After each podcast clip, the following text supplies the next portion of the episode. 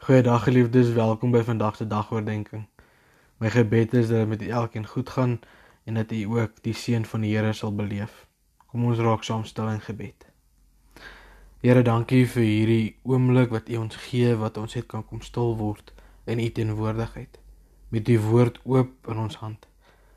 Here, waar ons met verwagting uitsien om ook U woord te hoor soos U dit self aan ons kom leer.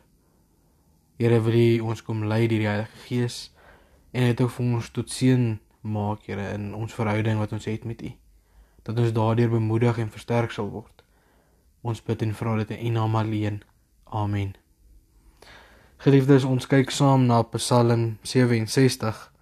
Die opskrif van die Psalm mag die volk U loof, o God.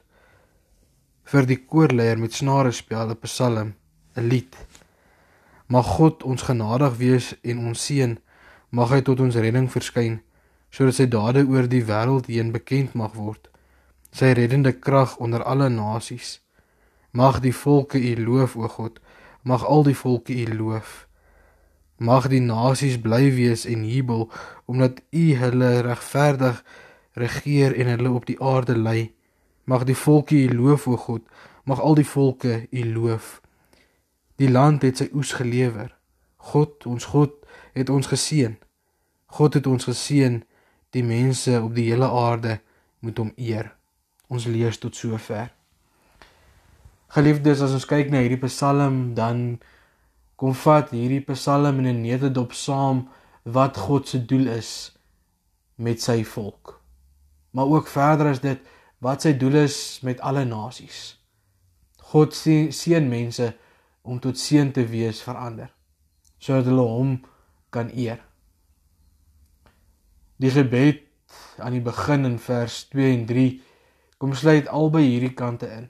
As ons net weer luister na die woorde wat sê mag God ons genadig wees en ons seën mag hy tot ons redding verskyn sodat sy dade oor die wêreld heen bekend mag word sy reddende krag onder alle nasies.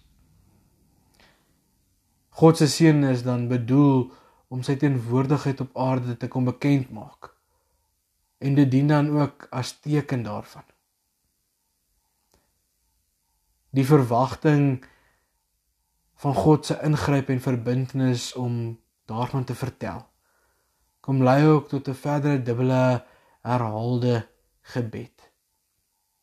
Vers 4 en vers 6 dat die dade van God mag lei daartoe dat alle nasies hom sal loof. Die hoogtepunt kry ons in vers 5 as daar staan mag die nasies bly wees en jubel omdat u hulle regverdig regeer. Alle mense word in hierdie gebed opgeneem dat mense in God se geregtigheid sal vind en daarna sal smag. Dit is 'n gebed waarvoor ons onsself moet en kan gee. Die Psalm kom eindig met lof vir die wyse waarop God ook die land seën en hoe die oes op die regte tyd gekom het. Maar dit is bedoel as getuienis van God se teenwoordigheid vir die mense op die hele aarde. Die Psalm sluit volledig aan by God se doel met die mens van die begin af. En ons kan na enkele voorbeelde kyk vanuit die woord van die Here om juis dit te kom staaf. 'n Paar verhale wat getuig hiervan. As ons net kyk na Adam en Eva, kom tree God met hulle in 'n verhouding. Hy seën hulle en maak hulle vrugbaar sodat hulle die hele aarde kan bewoon, bewerk en bewaar as God se verteenwoordigers. Sy seën aan hulle moet lei tot seën vir die wêreld. As ons kyk na Noag en sy mense, kom seën God hulle en maak hulle vrugbaar sodat hulle die aarde kan bewoon en as God se verteenwoordiger kan optree op die aarde. As ons kyk na Abraham en sy nageslag, dan kom God en laat hom uittrek uit sy land en van sy mense af na 'n land toe wat hy vir hom aanwys met die belofte ek sal jou seën. Maar dan ook met 'n opdrag jy moet dit tot 'n jy moet tot 'n seën wees. As ons dan kyk na die volk van God, dan bly dit die droom vir die volk van God regdeur die Ou Testament. Soos wat ons dit ook kry in Jesaja 19 vers 24 dat die volk so met God sal wandel dat hulle dit sal regkry om vir die aarde tot seën te wees. Ons sien dit ook in die Nuwe Testament in die bergrede wat Jesus kom leer. Maar dan kom vat Jesus dit ook 'n stapie verder. En ons luister weer na die woorde van Matteus 6 vers 27 tot 31 wat sê: "Maar vir julle wat na my luister, sê ek, julle moet julle vyande lief hê doen goed aan die mense deur wie jy gehaat word. Seën die mense deur wie jy vervloek word. Bid vir die mense deur wie jy sleg behandel word. As iemand jou op die een wang slaan, bied hom ook die ander een aan. En vir iemand wat jou bloek boklere vat, moet jy ook jou onderklere nie weier nie. Aan elkeen wat iets vra, moet jy gee. En as iemand jou goed vat, moet jy dit nie terugeis nie.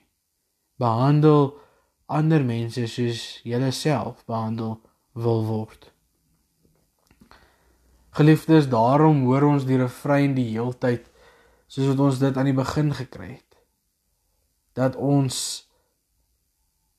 geseën word deur God om 'n seën vir ander te wees. Sodat ons ook tot eer van die Here kan lewe. En daarom geliefdes is ons geseën om te seën. En mag ons dit vandag hoor. Die seën van die Here wat ek en u geniet vanuit sy genade elke dag is ook daar tot seën verander. Amen. Kom ons bid saam. Here Jesus, dankie dat ons uit u woord mag leer hoe ons moet optree. Vanuit u maar ook tot mekaar. Here, dankie dat ons vandag deur Psalm 67 en ook die res van u woord kon hoor dat u ons seën op die regte tyd, Here. Sodat ons ook tot seën vir ander kan wees. Vir die aarde en die wêreld, vir elke mens wat opgeneem word, ook in hierdie Psalm as 'n gebed.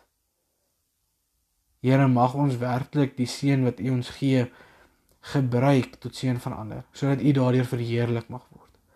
Want ja Here, dit wat U ons gee is maar eintlik net geleen. Dis genade uit U hand en ons verdien dit nie. Mag ons verantwoordelik daarmee omgaan en mag ons waardering hê daarvoor. Omdat U dit vir ons gee vanuit U grootheid, U almag en U liefde. Here, wil U die res van die dag met ons wees, met ons bly. Ons bid dit in afhanklikheid en in vertroue in U naam alleen en hou vas, Here, aan die wete dat U vir ons 'n ewige rots en 'n hoop is waarop ons vas mag staan. Amen. Geliefdes, mag jy 'n geseënde dag geniet.